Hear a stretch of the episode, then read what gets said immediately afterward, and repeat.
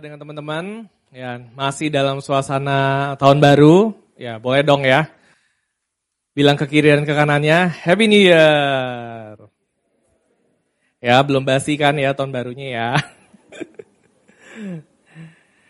Ya hari ini aku percaya di tahun yang baru tentu um, ya aku berdoa setiap kita punya pengharapan yang baru ya. Di tahun yang baru aku juga berdoa setiap kita juga bisa melihat satu kemenangan yang baru melalui kasih karunia ya.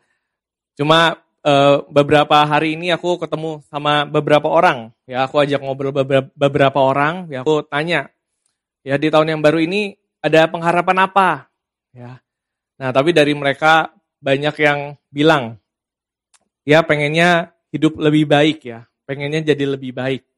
Nah, tapi ada juga beberapa yang bilang ya nggak usah berharap yang macem-macem deh kok, jalanin aja deh. Kenapa nggak mau berharap? Iya kalau berharapnya terlalu banyak nanti kecewa ya. Ya ada yang uh, punya pemikiran dari dua contoh yang tadi. Ya aku berdoa supaya ya kalau ada pun juga nggak apa-apa ya karena hari ini kita mau sama-sama terus membuka hati kita supaya firman Tuhan itu memberi pengharapan yang baru buat setiap kita. Tentu di dalam perjalanan ini ini adalah perjalanan yang penuh kasih ya. Di dalam kasih itu pasti ada pengharapan.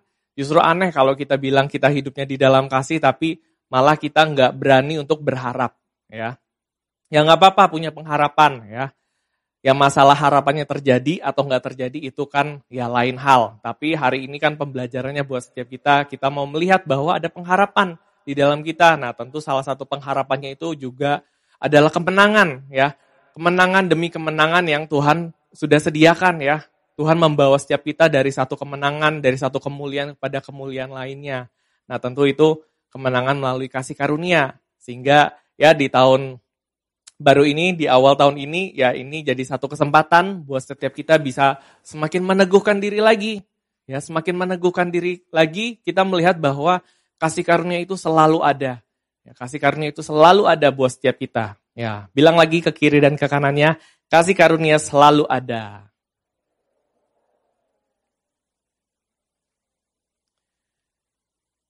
Ya, kalau kita lihat pembelajaran kita beberapa minggu ini, ya kita banyak lihat pembelajaran dari bangsa Israel, ya. Bagaimana bangsa Israel satu bangsa yang dari sejak semula Tuhan sudah tetapkan, Tuhan sudah pilih menjadi sebuah bangsa yang lewat bangsa Israel mereka akan menjadi berkat bagi bangsa-bangsa. Ya, bahkan bukan hanya itu aja, tapi bangsa Israel juga melewati berbagai macam hal. Ya, mereka diperbudak di Mesir. Nah, tapi ternyata ketika mereka ada di titik yang rendah pun di situ Tuhan punya rencana. Di situ kasih karunia sanggup membawa bangsa Israel itu untuk bangkit lagi. Ya, kita tahu bangsa Israel dibawa keluar dari Mesir, mereka melewati Laut Teberau, terus kemudian di padang gurun, muter-muter, tapi tetap masuk juga ke tanah perjanjian. Nah, tapi nggak hanya berhenti di situ saja, tapi ternyata bangsa Israel pun juga banyak jatuh bangun, ya. Banyak jatuh bangun, banyak mereka gagal, banyak bangsa Israel berubah setia, banyak dari mereka yang nggak taat 100%, banyak dari bangsa Israel yang juga uh, beresponnya nggak benar, banyak dari mereka juga yang punya respon yang salah. Nah, sehingga itu menyebabkan berbagai macam konsekuensi itu ditanggung sama bangsa Israel. Ya, salah satu konsekuensinya adalah waktu itu bangsa Israel masuk ke pembuangan ya, mereka jadi bangsa yang terbuang akhirnya. Nah, tapi ternyata di dalam pembuangan pun Tuhan gak pernah tinggalin, ya. Tuhan gak tinggalin karena dia Tuhan yang setia, walaupun bangsa Israel gak setia, tapi Tuhan tetap setia dengan bangsa Israel. Sehingga waktu itu dia kirimin satu nabi, satu nabi itu Nabi Yoel ya, ada ayatnya di Yoel 2 ayat 23 sampai 25. Ya.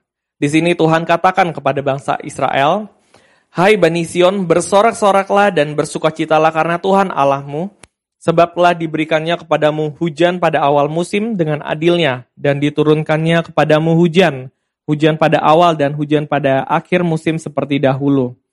Tempat-tempat pengirikan menjadi penuh dengan gandum, dan tempat pemerasan kelimpahan anggur dan minyak. Aku akan memulihkan kepadamu tahun-tahun yang hasilnya dimakan habis oleh belalang pindahan, belalang pelompat, belalang pelahap, dan belalang pengerip. Tentaraku yang besar akan kukirim ke antara kamu. Nah hari ini kalau kita lihat kisah bangsa Israel, ya aku, saya personal dengan kisah bangsa Israel karena saya pun juga melihat yang gak jauh beda hidup saya dengan kisah bangsa Israel ya bahkan hidup anak-anak bapak pun juga gak jauh beda ya ada masa-masa di mana kita gagal ada masa-masa di mana kita juga berubah setia ada masa-masa di mana kita juga kayaknya mau endure kok kayaknya susah, ada masa-masa di mana kok kita gampang banget runtuh hidupnya, ya menghadapi berbagai macam kondisi yang gak ideal, sehingga berbagai macam hal itu membuat kita akhirnya berubah setia, ya. Dan di situ pun juga pasti banyak konsekuensi, ya. Dari penundaan-penundaan yang kita lakukan di situ banyak konsekuensi, ya. Kita ngelihat hidup kita, ah, kayaknya gagal terus, gagal terus. Akhirnya udahlah, nggak usah usahain, ya. Go with the flow aja, akhirnya mager-mageran, rebah-rebahan, ya. Kalau enggak, ya lari. Lari kepada apa? Lari kepada game, kepada aktivitas yang lain, lari kepada apa? E, berontak dan segala macam. Ya, ketika saya nggak tinggal di dalam perjanjian kasih karunia itu, saya nggak tinggal di dalam kasih karunia Bapak, di situ pasti banyak konsekuensi, ya. Seperti di Yoel 2 ini katakan, Aku akan memulihkan kepadamu tahun-tahun yang hasilnya dimakan habis. ya. Jadi ketika saya nggak ada di dalam kebenaran, saya nggak tinggal di dalam kasih karunia. Di situ jadi celah, celah di mana ya pasti kita akan menderita banyak kerugian. Karena apa pun yang saya usahakan itu ya hasilnya dimakan belalang. ya Dimakan belalang, kalau belalang udah makan itu nggak tanggung-tanggung. ya Nggak cuma sedikit-sedikit. Tapi pasti semuanya dihabiskan. Ya sehingga seakan-akan kayaknya udah berusaha produktif tapi kok kayaknya gak ada hasilnya ya berusaha buat ini itu ke sana kemari sibukin diri tapi ternyata gak ada perubahan ya akhirnya juga muter-muter di situ-situ aja ya teman-teman tapi nggak apa-apa ya nggak apa-apa ketika kondisimu engkau menemukan kondisimu seperti itu karena ya janji Tuhan ini buat bangsa Israel ini juga janji yang bisa saya take personal ya saya take personal bahwa Ya dia Tuhan yang setia. Sebab telah diberikannya kepadamu hujan pada awal musim dengan adilnya dan diturunkan kepadamu hujan pada akhir musim seperti dahulu. Ya hujan ini kan berbicara tentang kemurahan Tuhan ya. Berbicara tentang penyediaan Bapak. Dia Bapak yang terus mau memberkati setiap anak-anaknya. Ya. Hujan itu datang bikin tanah yang kering jadi gembur. Sehingga ketika tanah yang kering itu jadi gembur, mau ditabur benih apa pun, benihnya pasti tumbuh dan berbuah. Nah, oleh karena itu ya inilah janji Bapak buat setiap kita ya, anak-anaknya bahwa penyertaan Bapak itu selalu ada. Ya, Bapak mau kita bukan hanya hidupnya biasa-biasa saja, tapi Bapak hari ini mau kita hidup itu berkelimpahan. Kalau di sini dikatakan tempat-tempat pengirikan menjadi penuh dengan gandum dan tempat pemerasan berkelimpahan anggur dan minyak. Ya, Bapak mau engkau hidup di dalam kelimpahan, ya. Bukan hidup di dalam ya udah cukup aja, enggak. Tuhan enggak mau engkau hidup di dalam cukup saja, tapi Bapak mau engkau hidup di dalam kelimpahan. Nah, tapi ya dunia selalu menipu kita. Dunia selalu menipu kita. Ya dunia terus-menerus katakan bahwa kita tuh kurang, ya. Selalu kurang. Kurang ini kurang itu ya. Kurang ganteng kurang cantik kurang tinggi kurang pendek kurang apa lagi? Kurang pinter kurang populer ya banyak ya. Selalu merasa kurang merasa nggak layak merasa belum cukup sehingga ya kita akhirnya pakai fokus hidup kita ya cuma menutupi kekurangan-kekurangan itu. Padahal apa yang Bapak sediakan itu berkelimpahan untuk hidup setiap kita. Nah itulah Ya, Bapak setia dan Bapak mau saya hidup di dalam kelimpahan. Bapak mau saya hidup di dalam kemenangan, ya.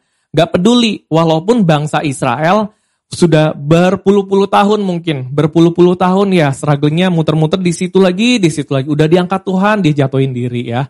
Diangkat Tuhan, dia berubah setia lagi, tapi Bapak gak pernah berhenti. Nah, oleh karena itu, ya, ini pun juga perlu saya take personal bahwa Bapak nggak pernah berhenti buat hidup saya. Walaupun di tahun-tahun yang lalu, di hari-hari yang lalu, kita gagal, kita berubah setia, kita nggak teguh, kita gampang kompromi. Nggak apa-apa teman-teman, karena dia Bapak yang setia.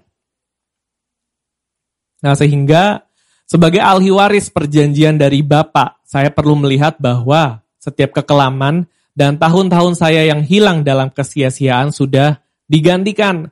Karena Tuhan sudah menyediakan pelipat gandaan dan tuayan yang besar. Ya hari ini akan ada pelipat gandaan buat hidupmu teman-teman. Bukan hanya hidup yang kembali saja, tapi bagaimana ada pelipat gandaan dan tuayan yang besar yang Tuhan mau taruh di dalam hidupmu teman-teman. Jadi hari ini ya lihatlah hidupmu berbeda. Jangan lagi lihat hidupmu sebagai seseorang yang kalah. Tapi hari ini Bapak ada di pihakmu. Ya, sehingga nggak ada yang bisa jadi lawanmu. Walaupun kalau kita pikirin ya, tahun baru, setahun ke depan, dua tahun lagi, tiga tahun lagi, ya pasti khawatir ya. Kita khawatir, kita bingung apa sih yang bakal terjadi ya di tahun yang akan datang. Tapi ya di dalam Bapak ya kita punya satu dasar, kita punya satu pegangan bahwa Bapak dia mau untuk kita terus naik dan bukan turun. Ya, sehingga apa pun hari ini akan kita hadapin itu enggak masalah ketika saya terus memegang perjanjian yang datangnya dari Bapak. Nah, oleh karena itu, ketika saya memegang perjanjian dari Bapak, ketika saya menyadari kemenangan itu, pelipat gandaan itu ada di dalam hidup saya, maka saya maka saya akan melihat bahwa setiap rekan-rekan yang jahat itu sudah terkubur di laut, teman-teman. Ya, kisah bangsa Israel ya, bagaimana bangsa Israel dibawa keluar dari Mesir. Ya, ketika saya renungkan kisah itu, ya kisah itu dramatis sekali sih sebenarnya ya. Dramatis sekali ya bagaimana mereka udah ratusan tahun diperbudak, dijajah bangsa Mesir, tapi satu hari mereka dibawa keluar. Itu kan situasi yang krusial sebenarnya ya. Bagaimana apakah mereka mau terus maju keluar atau mereka akhirnya memutuskan untuk kembali. Ya, apalagi waktu itu yang dihadapi di depan mereka itu laut, lautan ya. Lautan. Bangsa Israel bahkan saat itu mereka mengeluh ya. Musa, ini Tuhan mau bawa ke mana nih? Tuhan mau bawa kita keluar bangsa Mesir itu buat mati apa di Mesir itu kurang kuburan ya sehingga mau ditenggelamin aja gitu di laut. Ya tentu enggak, Tuhan enggak sejahat itu teman-teman. Tapi Tuhan membawa mereka keluar ya. Dan di situ ada keselamatan yang Tuhan terus nyatakan buat bangsa Israel. Nah, itu juga dengan hidup setiap kita ya. Ketika kita menyadari bahwa ada hidup manusia lama yang mau kita tinggalin, ya buat kita pindah ke manusia yang baru kan itu juga satu struggling ya. Itu bukan satu hal yang mudah ya. Kita bertahun-tahun hidup dengan manusia lama, hidup dengan pikiran yang lama, pikiran yang berdosa, tapi satu hari kita memutuskan untuk ya udah aku mau tinggalin. Ya pasti selalu ada ya. Aduh, bisa nggak ya? Bisa nggak ya? Untuk kalau yang biasanya hidupnya di dalam tuntutan ya, hidupnya selalu merasa tertuntut untuk membuang perasaan tertuntut itu, ya bingung. Aduh, nanti kalau nggak berasa tertuntut harus ngapain gitu? Bingung. Ya, kalau nggak hidup di dalam penilaian harus hidup seperti apa? Bingung gitu. Tapi ya hari ini percayalah bahwa Bapak mau membawa engkau untuk keluar ke tempat yang lebih baik. Dan bahkan rekan-rekan yang jahat itu sudah terkubur di dalam laut. Ya, kita baca ayatnya di Keluaran 14 ayat 13. Ya, tetapi berkatalah Musa kepada bangsa itu, janganlah takut, ya, berdirilah tetap dan lihatlah keselamatan dari Tuhan yang akan diberikannya hari ini kepadamu, sebab orang Mesir yang kamu lihat hari ini tidak akan kamu lihat lagi untuk selama-lamanya. Nah, jadi hari ini teman-teman, ya, jangan takut dan berdirilah teguh dan lihatlah keselamatan dari Tuhan yang akan diberikannya hari ini kepada engkau. Ya, hari ini keselamatan itu sudah tersedia ya. Bukan keselamatan dari Tuhan itu bukan tersedia ketika engkau sudah saat teduh lima bulan nggak pernah bolong ya baru datang. Enggak teman-teman. Keselamatan itu nggak datang ketika engkau sudah sebulan nggak ngelakuin dosa baru tuh datang keselamatannya. Enggak teman-teman. Tapi keselamatan itu datang hari ini ketika engkau menyadarinya bahwa hal itu sudah ada ya ketika engkau menyadari bahwa keselamatan itu sudah diberikan di situ engkau ambil dan engkau akan miliki keselamatan itu hari ini juga, saat ini juga. Ya, dan dia yang ke-14, Tuhan akan berperang untuk kamu dan kamu akan diam saja, ya. Tuhan akan berperang untuk kamu dan kamu akan diam saja. Nah, hari ini teman-teman, ya ketika saya menyadari bahwa kemenangan itu sudah disediakan bagi Bapak, bahkan yang perang itu bukan saya, tapi Tuhan yang berperang. Ya kalau Tuhan udah berperang pasti pasti apa? Kalah. Hah? Pasti kalah atau menang? Menang, yakin? Amin. Ya kalau Tuhan berperang ya pasti menang, gak mungkin kalah teman-teman. Ya tapi di sini kan kita suka nggak bisa diem ya. Kita suka pengennya tuh bantuin Tuhan gitu. Ya. Nah tapi hari ini dikatakan kamu akan diam saja. Diam saja itu artinya bukan cuma ya udah aku rebahan aja tidur ya. Tidur besoknya berharap udah menang gitu. Enggak seperti itu juga teman-teman. Tapi kamu akan diam saja itu artinya bahwa ya kamu akan gak menggunakan kekuatanmu lagi. Kamu akan meninggalkan egomu, kamu akan meninggalkan cara-caramu, dan kamu akan memberi dirimu aja. Memberi dirimu ikut di dalam apa yang Tuhan udah kerjakan. Tuhan berperang, nah kamu tinggal ikutin aja tuh di belakangnya. Kan gampang ya, tinggal ikutin aja. Ya jangan bantuin Tuhan. ya kalau kita bantuin belum tentu menang gitu. Pasti ya bisa kalah juga. Tapi hari ini, nah inilah janji Tuhan bahwa Tuhan akan berperang untuk kamu dan kamu akan diam saja. Demikianlah pada hari itu Tuhan menyelamatkan orang Israel dari tangan orang Mesir dan orang Israel melihat orang Mesir mati terhantar di pantai laut. Ya hari ini orang-orang Mesir itu sudah mati tenggelam ya, tenggelam di lautan Teberau itu. Nah itu juga lah yang teman-teman perlu take personal ya bahwa masa lalumu itu sudah tenggelam ya Kau sudah meninggalkan manusia lamamu. Ya, kau sudah meninggalkan manusia lamamu dan kau adalah manusia yang baru hari ini. Sehingga ketika hari ini pikiran-pikiran itu datang, kekhawatiran itu datang, ketakutan itu datang, itu cumalah bayangan, teman-teman. Itu cuma bayangan, ya. Bayangan itu nggak bisa ngapa-ngapain, bayangan itu nggak bisa melukai engkau, teman-teman. Ya, tapi banyak dari anak-anak Tuhan tertipu sama bayangan-bayangan yang datang. Itu cuma bayangan. ya. Jadi hari ini lihatlah bahwa semua itu sudah terkubur di dalam laut. ya, Terkubur di dalam laut. Apa yang udah terjadi di masa lalumu itu nggak akan pernah bisa mempengaruhi engkau. Kecuali kalau teman-teman mengizinkan hal itu mempengaruhi engkau. Tapi ketika engkau hari ini teguh melihat kemenangan itu udah Tuhan berikan, ya semua yang lalu itu ya dia sudah terkubur semua yang lalu itu sudah terkubur, terkubur. Ya, oleh karena itu saya perlu personal kepada setiap janji Bapa. Saya perlu memegang dan membawa janji Bapa sebagai perjalanan iman. Ya, saya perlu melihat janji-janji Bapa itulah satu-satunya yang bisa menguatkan saya ketika saya keluar dari Mesir. Ya, ketika saya sudah membiarkan yang lalu itu terkubur, cuma janji Bapa yang bisa saya pegang. Janji Bapa yang saya bisa menguatkan saya, yang membuat saya endure. Ya. Ya kalau ngomongin janji Tuhan, ya itu bukan bukan kayak lagi uh, pertanyaan ujian. Apa janji Tuhan di dalam hidupmu? Ya satu, dua, tiga, empat, lima. Enggak teman-teman. Tapi janji Tuhan itu adalah hal yang personal buat hidupmu. Ya, janji Tuhan itu adalah sebuah perjalanan iman. Ya, hari ini engkau dapat, ya besok engkau perlu meneguhkan dirimu lagi dengan janji Tuhan itu. Gak bisa hari ini kau dapat terus besok, oh ya udahlah kemarin kan udah, seminggu yang lalu udah, setahun yang lalu udah, sebulan yang lalu udah. Enggak seperti itu teman-teman.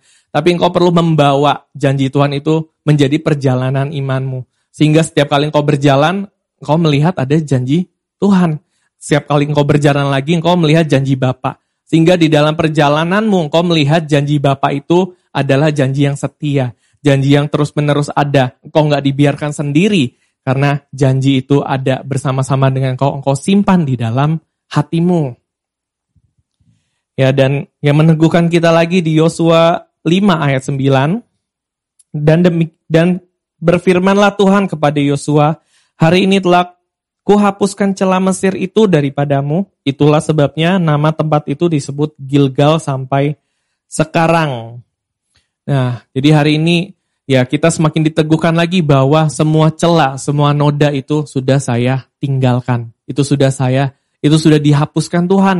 Dan saya pun juga perlu menghapus semua hal itu di dalam hidup saya. Saya perlu membuang, saya perlu melepaskan setiap ikatan-ikatan terhadap celah dan noda yang dulu sudah terjadi. Saya perlu membuang kegagalan-kegagalan, saya perlu membuang kelemahan-kelemahan, ketidakberdayaan yang ada, dan saya perlu melihat bahwa saya adalah ciptaan yang baru dan yang lama itu sudah berlalu ya. Itulah sebabnya nama tempat itu disebut Gilgal sampai sekarang. Ya, Gilgal itu ya artinya roda, roda yang menggelinding ya. Jadi setiap noda celah itu sudah menggelinding jauh ya. Jauh manusia lama itu sudah jauh ya. Dan sekarang yang ada itu adalah manusia yang baru di dalam Kristus. Ya, jadi hari ini ya teman-teman, ya jangan mau lagi ditipu oleh si jahat. Ya, jangan mau lagi ditipu diingat dikasih flashback dengan masa lalumu, dikasih ingatan dengan dosa-dosamu, jangan lagi take it. Jangan lagi diambil secara personal. Jangan lagi engkau renungkan itu, tapi buanglah itu. Teguhlah membuang hal itu. Teguhlah ketika pemikiran itu datang. Nah, tuh kan kemarin baru lakuin dosa, ya teguh katakan bahwa dosaku sudah berlalu. Ya, hari ini aku adalah ciptaan yang baru. Ya, aku sudah meninggalkan semua itu. Teguh. Teguh perkatakan kepada pemikiranmu bahwa setiap rekan-rekan yang jahat itu sudah terkubur di dalam laut. Ya, sehingga engkau hari ini mampu untuk teguh berjalan melihat bahwa engkau itu sudah dimerdekakan, bahwa engkau sudah mengalami kemenangan, bahwa hari-harimu itu adalah kemenangan yang mau terus-menerus Bapak nyatakan di dalam hidupmu. Ya, jadi saya perlu menyadari dan melihat bahwa rekan-rekan jahat sudah terkubur di dalam laut ya itu semua sudah terkubur di dalam laut. Yang kedua, ya ketika saya melihat bahwa kemenangan itu Bapak sudah sediakan, ya saya akan menduduki setiap area yang sudah dipercayakan. Nah, ya banyak orang berharap berharap hidupnya baik-baik aja, berharap pengen hidupnya nggak ada masalah, berharap kepengen hidupnya nggak ada dosa, ya. Bisa nggak kak satu hari nanti seperti itu? Ya bisa. Cuma masalahnya kalau udah nggak ngelakuin dosa terus mau ngapain? Ya kalau udah nggak ada masalah mau ngapain hidupnya? Ya sama kayak bangsa Israel. Bangsa Israel kalau udah keluar dari Mesir terus mau ngapain? Ya, kalau bangsa Israel keluar dari Mesir gak ada tujuan ya mungkin bangsa itu sudah akan punah ya di gurun di gunung uh, di gurun pasir itu di padang gurun.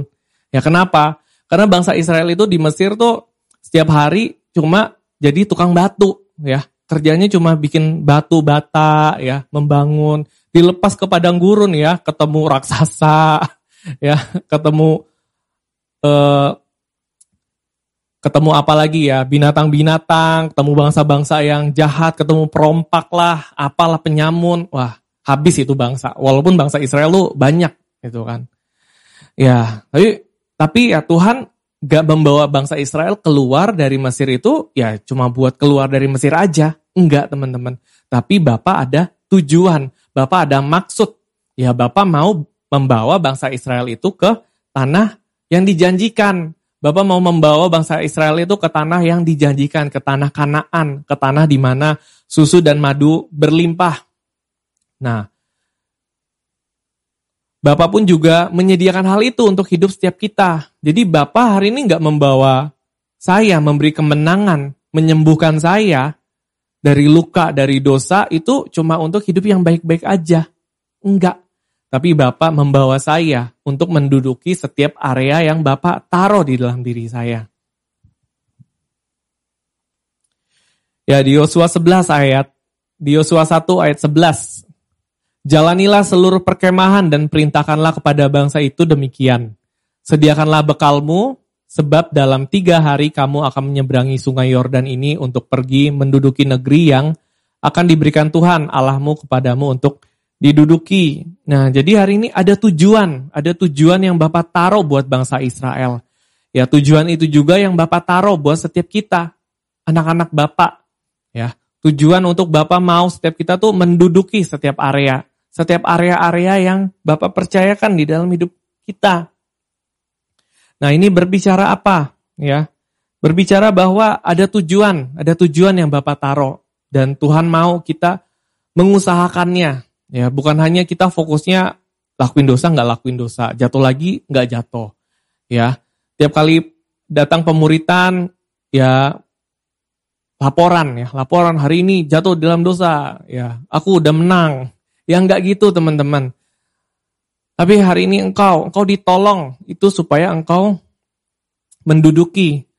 Engkau ditolong supaya engkau pergi, ya. Engkau pergi, engkau menghasilkan buah, ya. Bukan sekedar hidupnya baik-baik aja, ya. Bahkan di sini ya bangsa Israel juga ditegur, ya ditegur karena ya itu bangsa Israel cuma melihat bahwa oh ya udah nih, udah masuk ke tanah Kanaan, ya udah udah selesai, ya.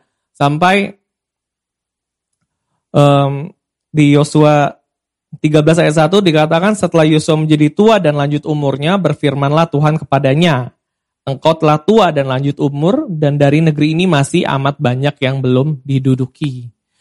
Nah jadi, ya bukan hanya hari ini aja ternyata, tapi dari zaman dulu, ya dari zaman dulu ya bangsa Israel pun ya udah, ya pengennya sedikit aja gitu loh, pengennya sedikit aja, ya yang penting sembuh aja, ya padahal ada panggilan yang lebih besar lagi.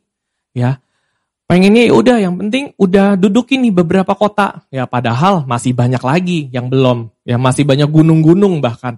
Gunung-gunung negeri raksasa-raksasa ya. Masih banyak daerah-daerah yang berlimpah susu madunya yang belum diduduki ternyata. Nah jadi hari ini ya saya sebagai anak bapak saya perlu menyadari bahwa ya hidup saya itu bukan hanya supaya hidupnya baik-baik saja. Tapi hari ini banyak area di dalam hidup saya yang perlu diduduki. Area apa sih yang perlu diduduki? Ya, keluargamu, ya perlu diduduki nggak itu areanya? ya bukan menduduki papa mamamu ya. Tapi apakah engkau di tengah-tengah keluargamu, engkau menyatakan bapak nggak di tengah-tengah keluargamu? Ya itu artinya menduduki gitu loh. Ya, engkau di tengah-tengah sekolahmu. Ya, apakah engkau menduduki nggak sekolahmu? Ya, engkau menyatakan Bapak nggak di tengah-tengah sekolahmu? Ya, banyak yang ngelakuin hal yang jahat, ngelakuin hal yang nggak benar. Di situ engkau menyatakan kebenaran nggak di situ? Ya, di tempat kerjamu, engkau membawa terang kebenaran nggak di tengah-tengah tempat kerjamu? Atau malah engkau malah ikutan dengan dunia ini? Nah, hari ini ya banyak area-area di dalam hidup kita itu yang dipercayakan Bapak. Ya, sebutkan bisa juga area itu ternyata ada di dalam diri saya. Ya, area pikiran saya, area keuangan saya, area apa lagi? Ya masa depan saya, area hati saya, perasaan saya, pikiran saya. Itu semua area-area yang dipercayakan dan saya perlu duduki semuanya. Ya, waktu yang diberikan di dalam hidup saya, apakah saya duduki nggak? Ya, tempat-tempat itu, area-area itu, atau ternyata selama ini saya mudah untuk nyaman Ya, selama ini saya mudah untuk nyaman. Ya, saya nyaman dengan kondisi yang seperti ini saja. Saya nyaman dengan ya udahlah kayaknya nggak berubah. Ya udahlah nyaman aja. Adaptasi dengan perubahan ya, ngikutin perubahan. Ngikutin hal yang nggak berubah, hal yang nggak bener kayaknya sulit nih buat diubah. Ya udah, ikutin aja gitu. Apakah seperti itu? Ya. Ya banyak zona nyaman di dalam hidup saya, ya. Banyak zona nyaman, ya. Nyamannya apa? Nyamannya kalau lari, ya. Nyamannya kalau nggak menghadapi kondisi yang nggak ideal. Nyamannya kalau hidup di dalam tuntutan. Nyamannya kalau hidup di dalam kesendirian. Nyamannya kalau apalagi yang ngerasa bersalah terus. Ya, enggak teman-teman. Engkau dipanggil untuk bukan untuk hidup seperti itu, tapi engkau dipanggil untuk berkuasa atas area-area yang dipercayakan di dalam hidupmu. Ya, jadi hari ini kau perlu berkuasa keluar dari kenyamananmu, keluar dari zona nyamanmu.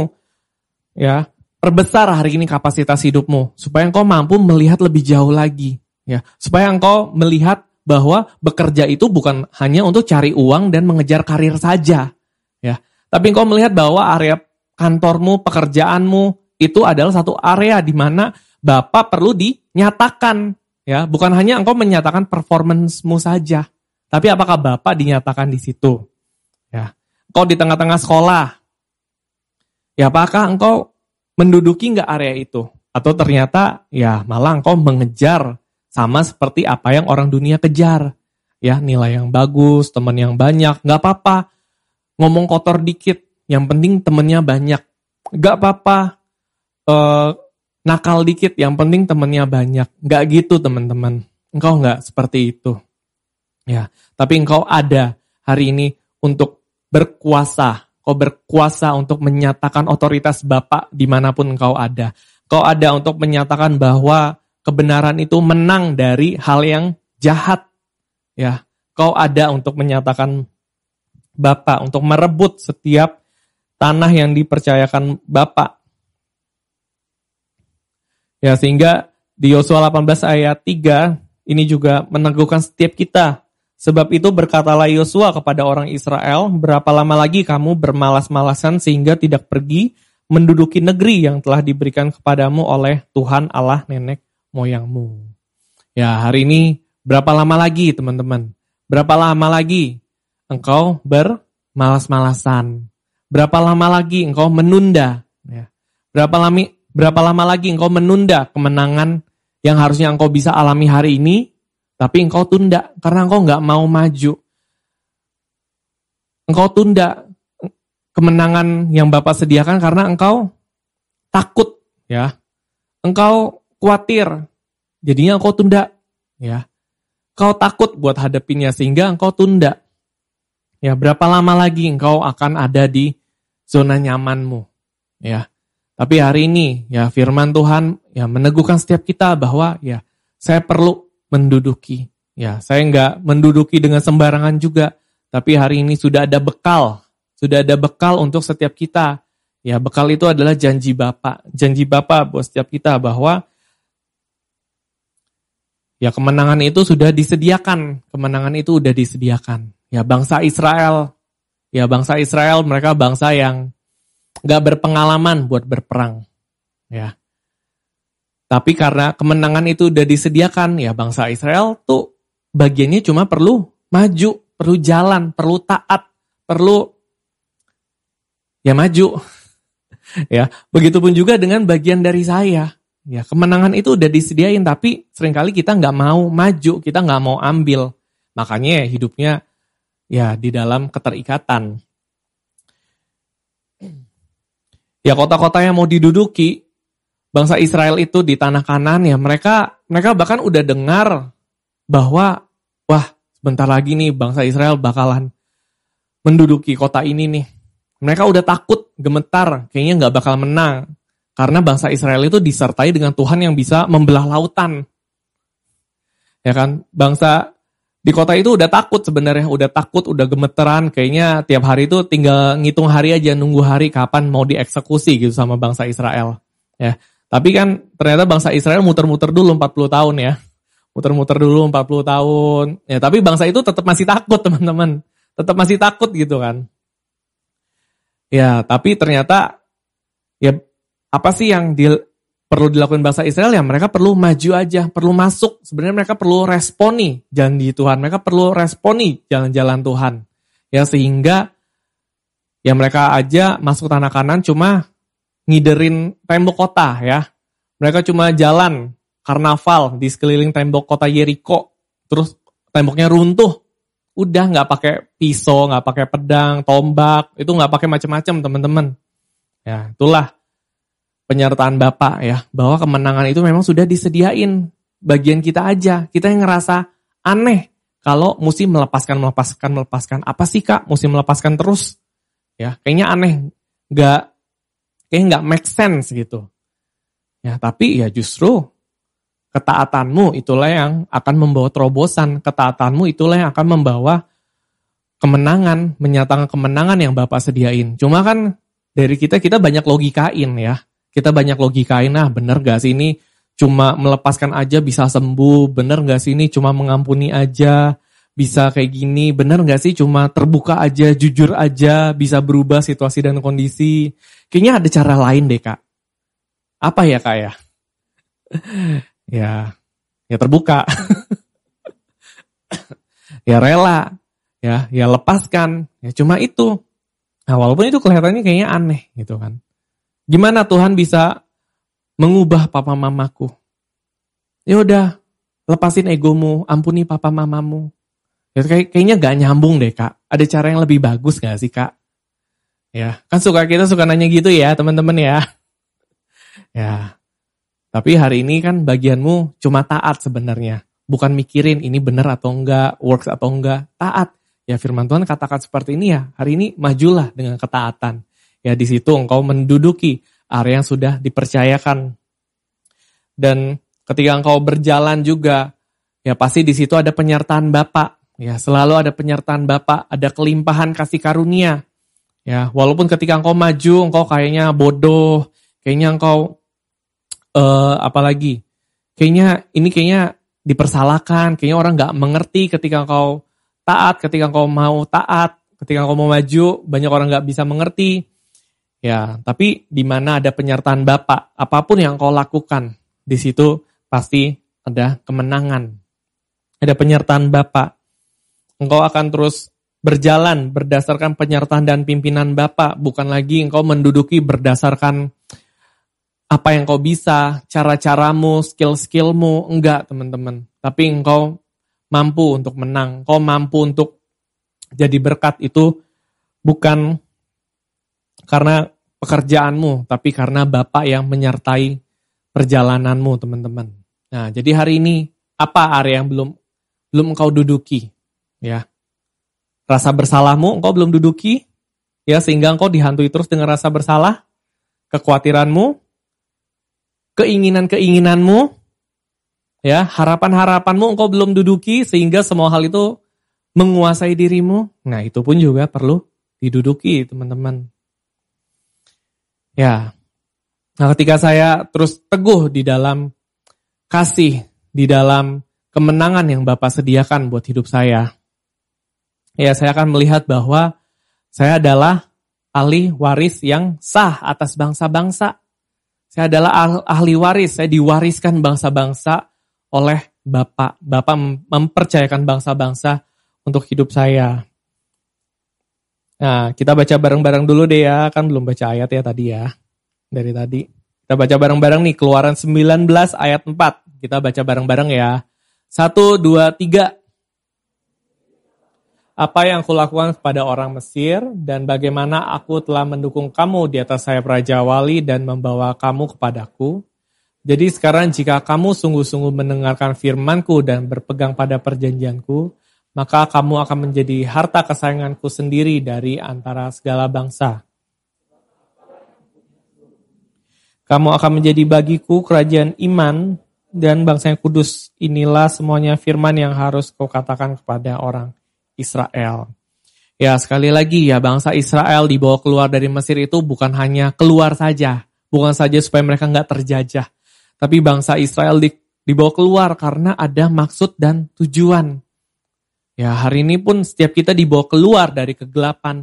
Itu bukan hanya supaya kita keluar dari kegelapan saja. Tapi ada maksud dan tujuan.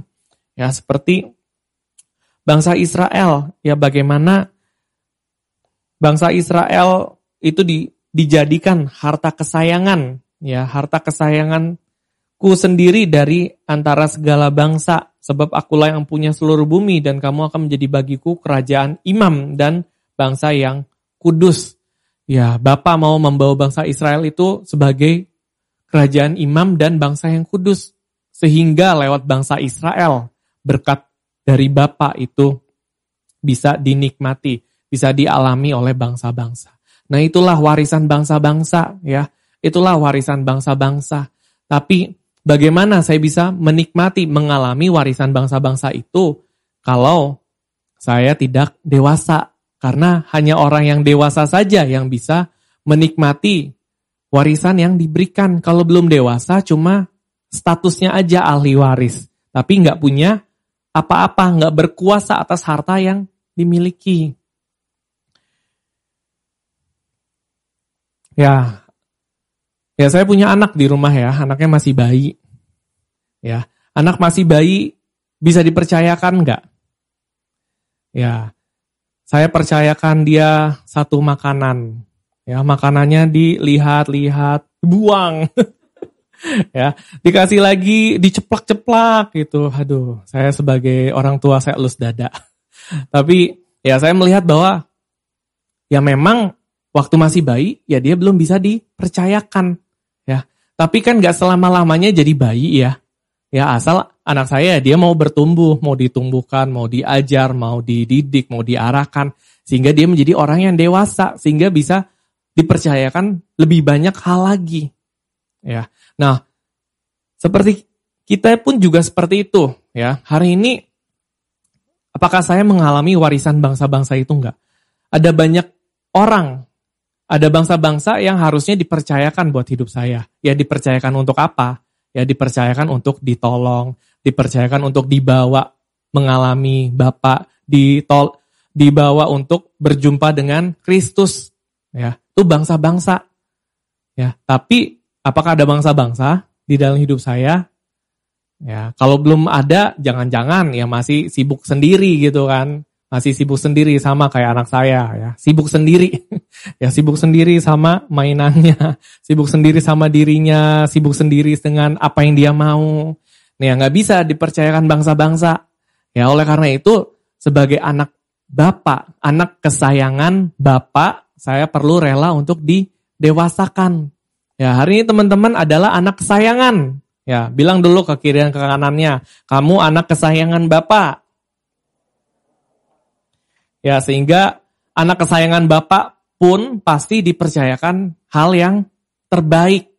Ya, dipercayakan bangsa-bangsa itu bukan untuk merepotkan dirimu, teman-teman.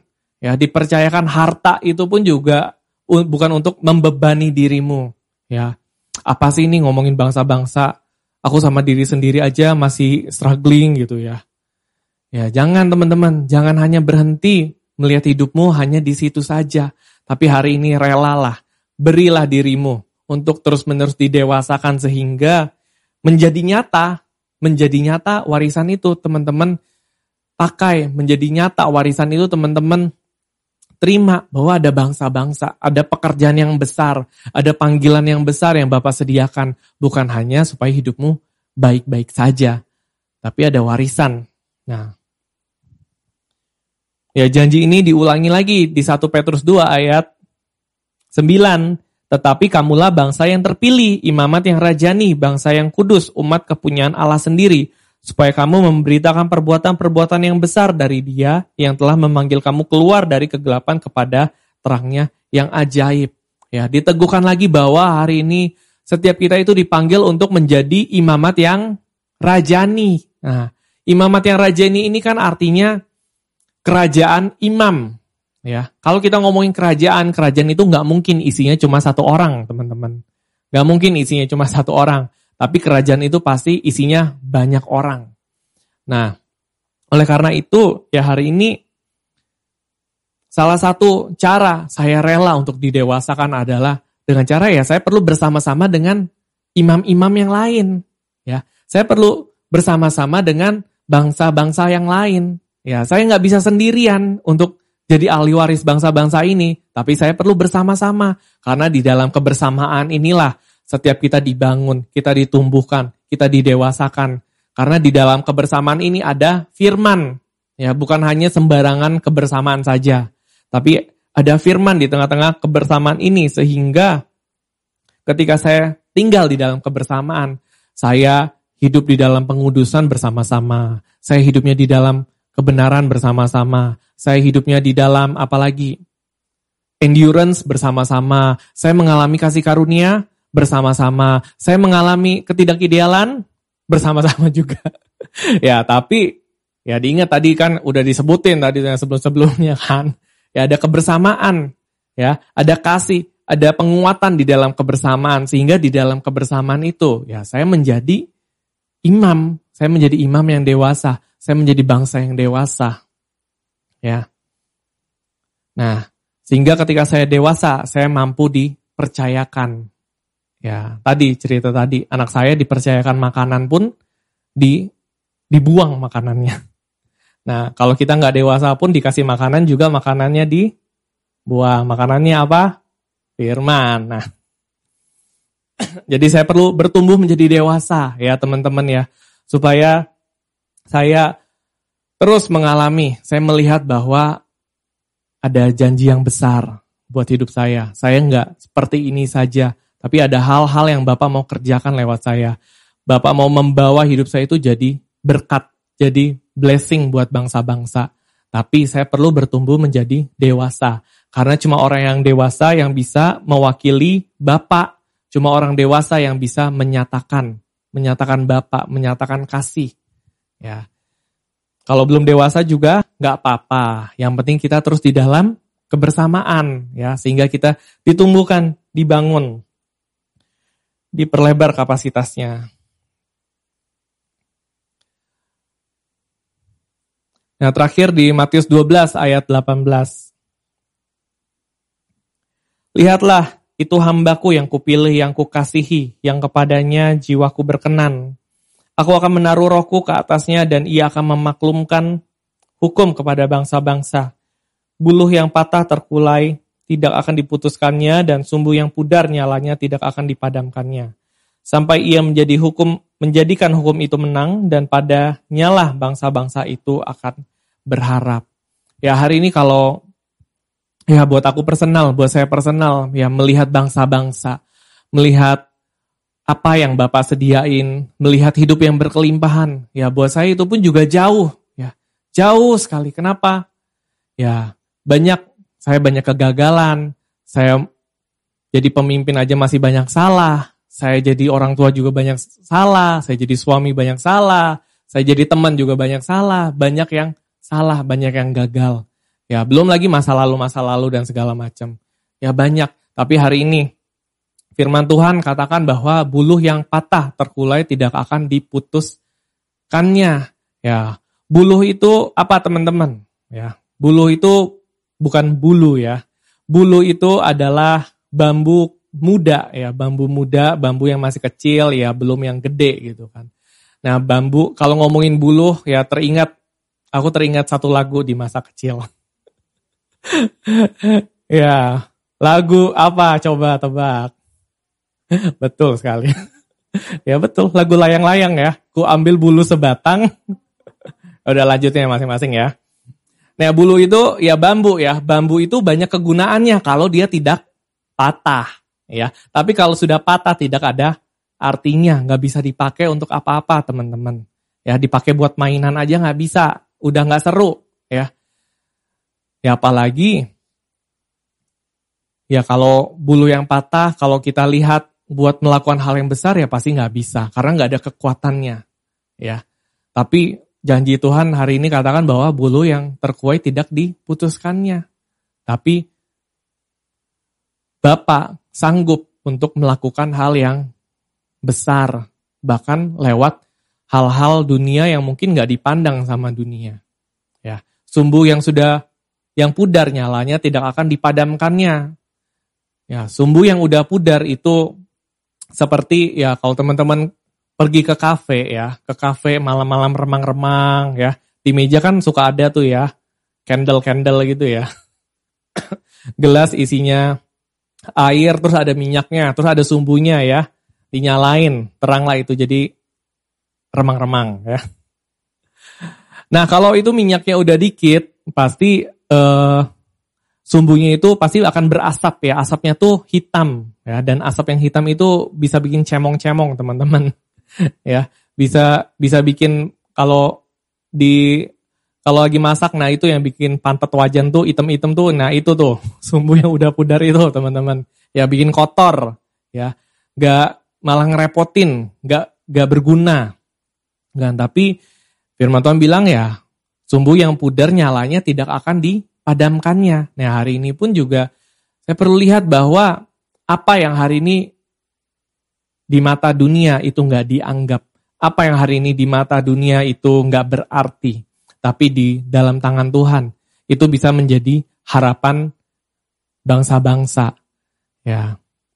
Ya hari ini pun kalau aku lihat perjalanan hidupku, ya perjalanan hidupku nggak ideal, perjalanan hidupku juga nggak sempurna. Ya aku juga bukan orang yang nggak pernah ngelakuin dosa, ya pernah ngelakuin dosa, pernah bikin salah, ya Ya jadi uh, sebagai pemimpin pun aku juga nggak ideal ya.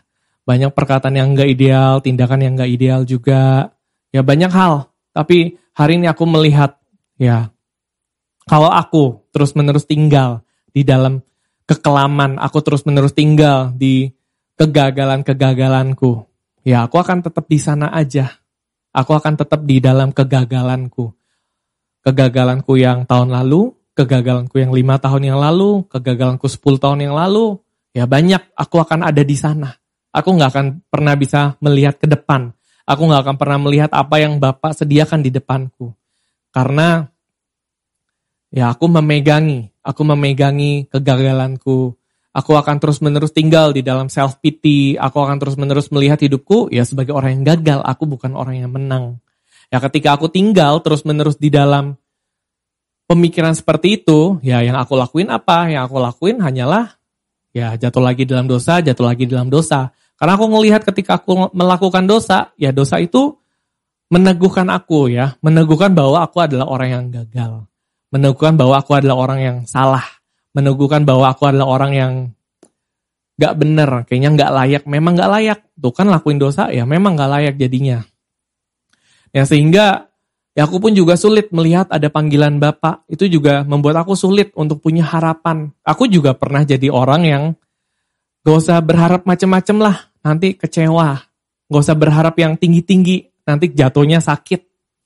Ya, aku juga pernah ada di titik seperti itu. Tapi ketika aku belajar buat taat, aku belajar buat melepaskan, aku belajar buat memandang apa yang Yesus sudah kerjakan buat hidupku.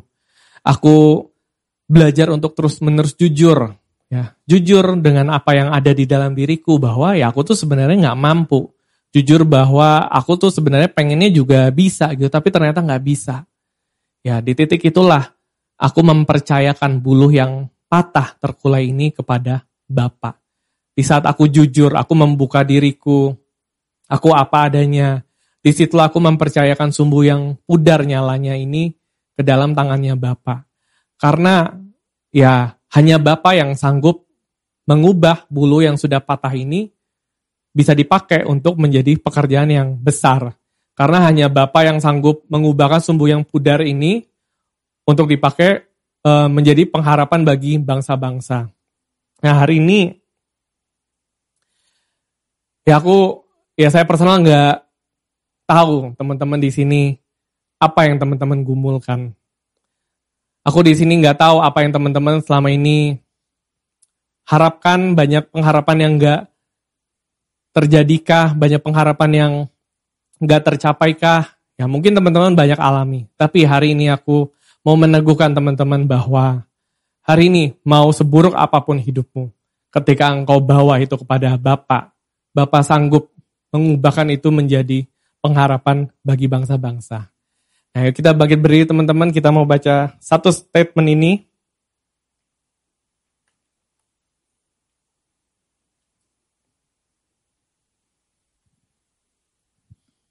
Ya, kita mau baca bareng-bareng ya. Satu, dua, tiga. Sebagai pribadi yang menerima kemenangan, setiap kesalahan dan kekelaman hidup saya tidak pernah diperhitungkan. Kasihnya telah mengangkat dan menjadikan saya sebagai penghibur dan terang bagi bangsa-bangsa. Ya, hari ini teman-teman. Lihatlah bahwa engkau adalah anak kesayangan Bapak Lihatlah bahwa hari ini engkau telah menerima kemenangan. Walaupun engkau gagal, walaupun banyak kesalahan yang engkau lakukan, banyak pelanggaran yang engkau lakukan, banyak ketidaksetiaan yang engkau lakukan, tapi Bapak setia, Bapak setia dengan hidupmu. Dia nggak meninggalkan engkau, dan hari ini ketika engkau datang, Kau membawa hidupmu. Ya Bapak sanggup membuat hidupmu menjadi harapan bagi bangsa-bangsa. Yuk mari kita datang sama Bapak.